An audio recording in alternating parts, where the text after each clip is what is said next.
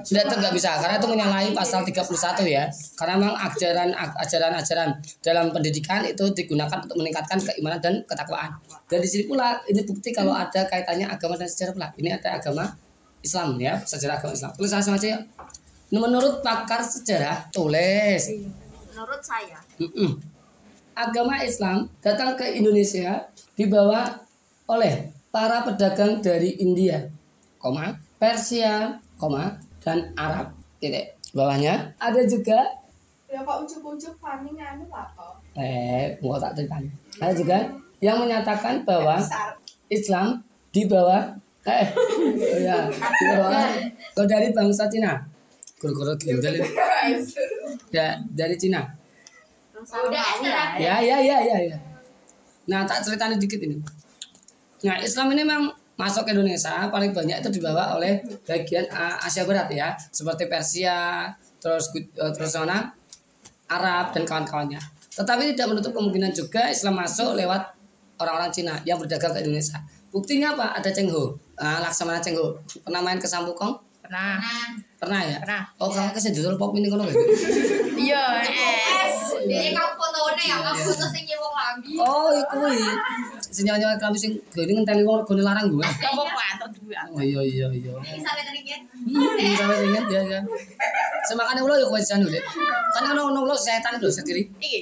Kayak gue. Kan kakak adik ya. Ya. Ini aja sih. Ya. Ya. Ya. Penting maksud saya nih ya.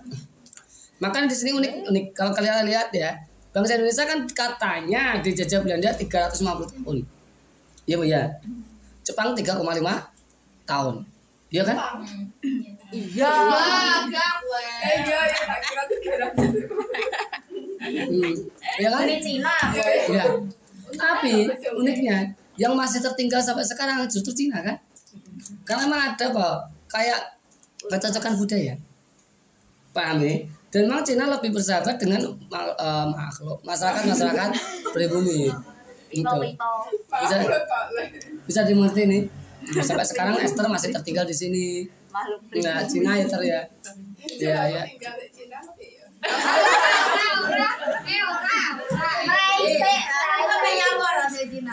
Ada kecocokan Orang Cina ada juga rasanya. Jadi Tapi kalau terjadi kesenjangan dan kamu langka di sana, mesti kamu diburu banyak orang. Ekonomi kelangkaan deh. Hmm. Langka akan diburu banyak orang. Terus di dari itu tidak buat. Iya. Museum.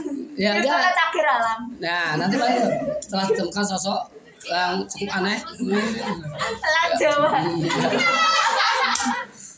Nih, bawahnya terus bukti bahwa agama Islam dibawa oleh pedagang dari Arab. Kedua satu, menurut Ibnu Battuah yang berkunjung ke Samudra Pasai pada abad ke-14, raja-raja Samudra Pasai bermazhab Syafi'i. Ya, bermazhab apa? Syafi'i. Memang Indonesia itu sebagai negara dengan mazhab Syafi'i terbesar. Ya, terbesar. Kalau salah. Bisa dimengerti ini ya? Mungkin maksud saya? Iya, terbesar mazhab Syafi'i karena yang paling cocok ya. Dan memang orang Indonesia lebih bisa menerima mazhab Syafi'i. Bisa dimengerti? Termasuk kalian ini kan banyak yang mengaku mazhab Syafi'i gitu ya. Itu ya. Ya. Imam Hambali. Apa? Biasanya apa? Nggak ada ada Imam Hambali, Hanafi, Maliki, Syafi'i dan yang lainnya. Maliki maliki. Ya tak Ning mesti kowe nyolong tit ekuan ning. Bukan ya. Ya. Yuk lanjutnya bawahnya B. Raja Samudra Pasai Lho, loro kopi. kedua ya apa Raja Samudra Pasai bergelar Al Malik. Al Malik. Hmm, budek kan? Ya. Tuh kan? Al Malik. Nganggo kacamata budek. Al Malik. Seperti raja-raja di Mesir. Fir'aun anak Al Malik. Aduh. Terus ya yang ketiga pada abad ke-9 orang-orang Arab menyebut ini Zabok Apa itu?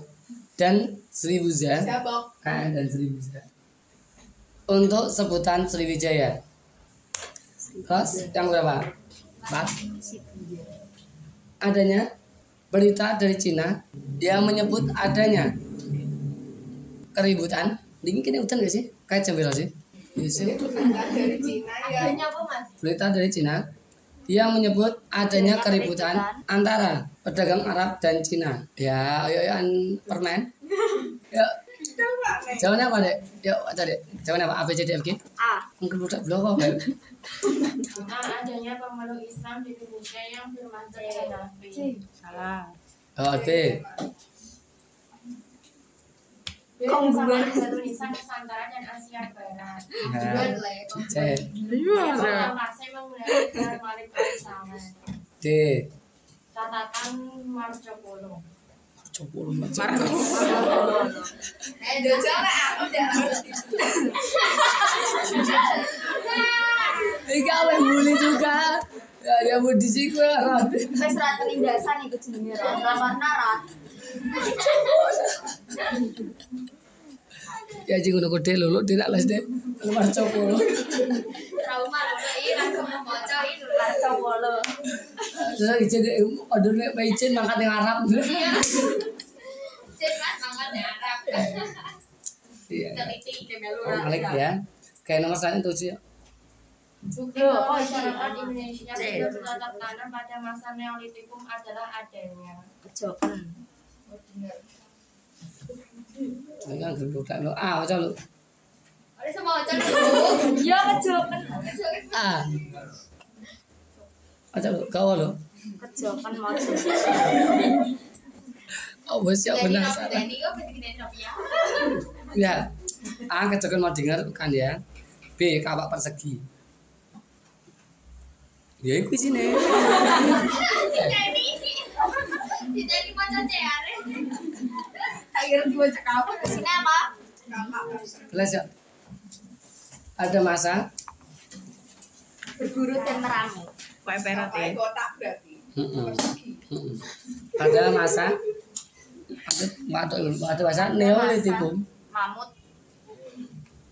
neolitikum atau zaman batu muda ditandai dengan adanya dua ciri kebudayaan yaitu satu kapak persegi banyak tersebar di wilayah Indonesia bagian barat. Dua kapak lonjong. Bawahnya tersebar di wilayah Indonesia bagian timur banyak pada masa Neolitikum manusia prasejarah sepatu ya. manusia prasejarah sudah mengenal bercocok tanam. Sudah mengenal apa tadi? Cocok tanam. Jadi dia sudah meninggalkan masa berburu dan meramu. Makanya pada zaman ini pula di- sering disebut dengan zaman apa? Peruk revolusi revolusi apa? Revolusi neolit. Mudah nih lanjutannya. Ah, ah, maka ya maka dikenal dengan istilah apa tadi? Revolusi neolit. Apa itu revolusi neolit? Ya langsung aja kita bahas. Bawahnya tulis revolusi neolit adalah perkembangan dari tahap berburu meramu menjadi masa bercocok tanam dan pada masa ini ya tak cerita nih dan pada masa ini mereka bercocok tanam menggunakan apa kapak persegi terus akhirnya akhirnya ya terus berubah berubah berubah berubah sampai mm, jadi apa jadi cangkul siapa sih orang yang memberi istilah kapak persegi oh tadi ada yang tanya Oh, ah, kamu, wong ini pinter banget mu ya. Kamu layak untuk nyalon jadi Miss Universe ini. Pertanyaan-pertanyaanmu itu menggugah selera saya. Ya, terus aja, terus aja. Mm-mm. Tokoh, tokoh yang beri istilah kapak persegi. Mamat. ah kok nonton Abdul barang gitu von Heina. Itu ya jadi jawabannya apa tadi dulu, dulu B ya. Yaitu kapak persegi bukan kejokan modingan. Nah tapi nanti ada juga yang membahas terkait dengan masalah apa masalah kulturasi budaya deh atau kearifan lokal Nah, kali- kearifan lokal terutama nanti Candi Borobudur itu termasuk kearifan lokal. Karena apa? Karena masih meninggalkan sisa-sisa peradaban nenek moyang kita, yaitu punden berunda. Bisa dimengerti tidak ini? Iya. Betul betul.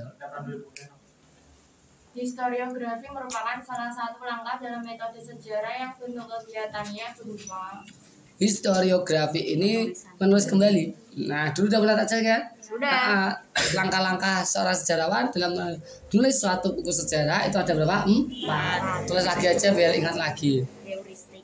Wih, jeling lah oleh langkah-langkah dalam metode sejarah. Aku loh, lucu juga.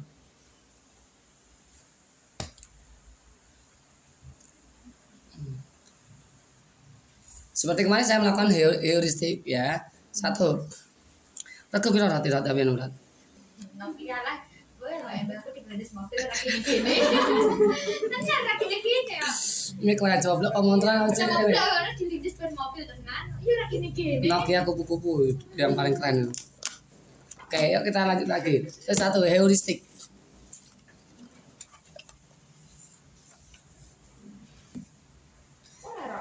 Bawahnya kegiatan ya kalimatnya. Kegiatan mengumpulkan sumber-sumber sejarah.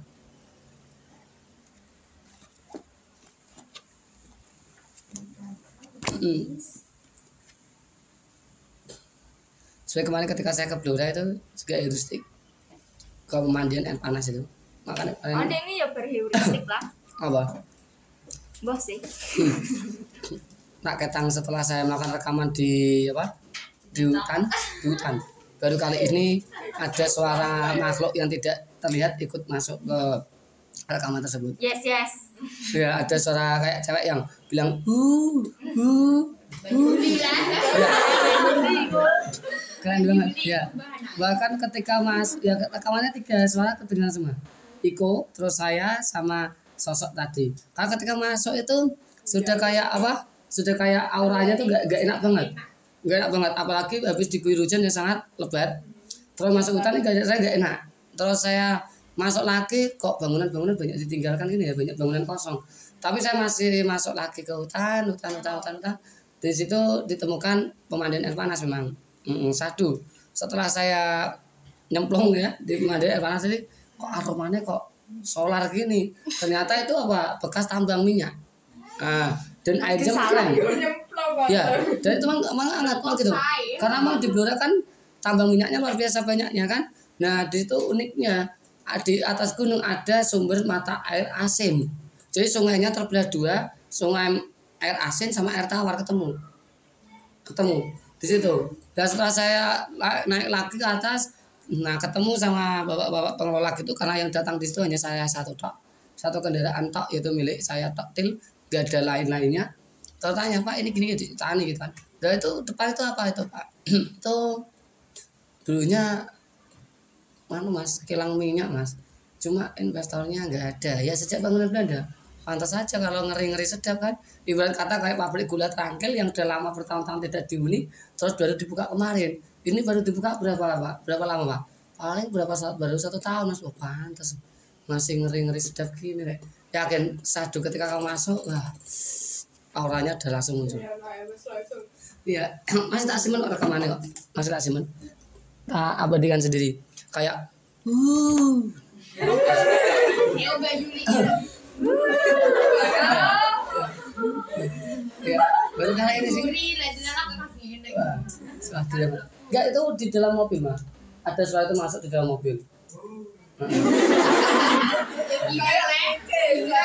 Jadi kalau ada dari suara luar itu I think impossible ya. Karena kekedapan suara itu juga sangat terjaga kalau di mobil. Kalau nggak klakson gitu nggak sampai terdengar biasanya. Kalau nggak teriak kenceng tapi itu dengan suara yang nyaring lembut tapi bisa masuk di dalam suara mobil. Mantap banget. Yakin seru sih. Kalau kalian pengen nanti kalau saya ada waktu tak share ke kalian. Ada di awal video pas rekam pas. Jadi hanya sekian per sekian detik tok didengarkan pas awal call al- kamu play langsung ada suara. Uh terus dan saya mengatakan menang menang kok menang kok menang saya kok. Nah ya kalian dengar ketiga tiganya dengar semua. Keren pokoknya lah. Ya Tapi saya dulu berarti. selanjutnya ya saya lah. Yes, sih. ya heuristik yang kedua verifikasi. Seru sih. Verifikasi sudah pernah ya ini ya soal ini ya. Nah, apa sih verifikasi ini? Kegiatan menguji keaslian. Verifikasi dulu. Hmm? ya verifikasi ya terus yang berapa? Tiga. Interpretasi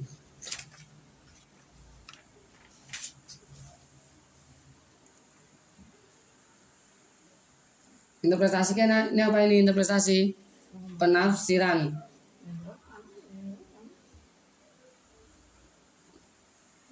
Fakta-fakta sejarah.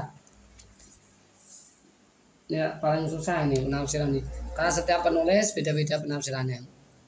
Banyak ada perbedaannya. Tapi seru sih baru kali ini saya wisata di hutan dan merasakan aura yang wow banget ya itu di puncak pol puncaknya. Dan setelah saya tanya pak jalur ini kok saya nggak asing ya? Kok banyak minyak minyaknya pak? Jalur ini tembus sampai DT oh iya mas. Lalu masih tahu? Ya saya pernah dulu itu terabas oh masih ikut offroad juga. Pernah sih pak tapi offroad sendirian itu. Oh gini iya mas itu melingkar gini mas. Jadi sampean kok ngubungi gunung mas? Jadi misalnya ini puncaknya ini kok ngubungin ini puncaknya oh inikah yang dikatakan mitos atau fakta? Banyak mistis bertebaran itu di sini ternyata tempatnya. Ya wow wow wow keren banget. Ya. Itu terisolir terisolir banget.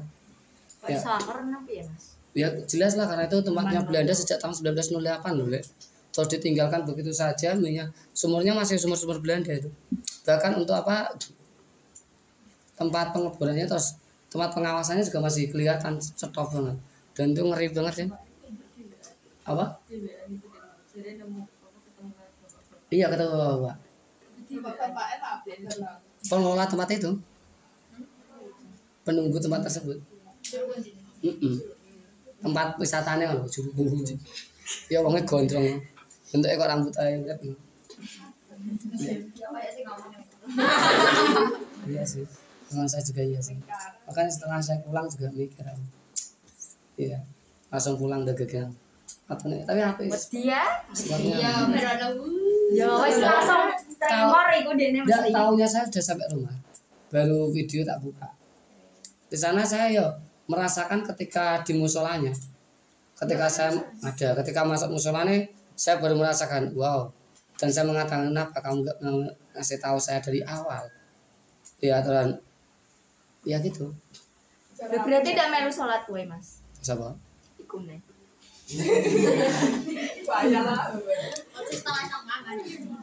Mantap sih tapi keren. Dan di situ ternyata sering digunakan untuk pengobatan kayak stroke ringan. Oh, ya ketika tua banyak itu yang situ mesti terapi tadi terapi terapi. Ya enggak ada enggak nyemplung di kono terus punya kayak apa gitu nanti sembuh gitu. Nek iku pemandian. Mm, pemandian air panas tadi. Tapi kan. Iya. Memang gitu karena minyak minyaknya banyak. Terus saya pulangnya ya ya ah. sampai saya turun lagi pulangnya. Gara-gara rumah sakit jalan yo halus yo gak halus ah. Yo padas lah. Tapi yo ngene terus akhirnya saya turun. Tak pikir yo ora apa-apa kendaraan nih kok ngene. Ya, Kok makin makin ciut, makin ciut suaranya. Iya, tadi. eh seru sih seru seru seru. Itu termasuk penafsiran ya Kalau cara mlebu daerah wis digondol. Ora doyan ora tak doyan. yang saya pikirkan kok ketika pergi sendirian kayak gitu ya solo camping kayak gitu ngerinya kalau kendaraan tiba-tiba mati. Moga, moga. itu yang mengerikan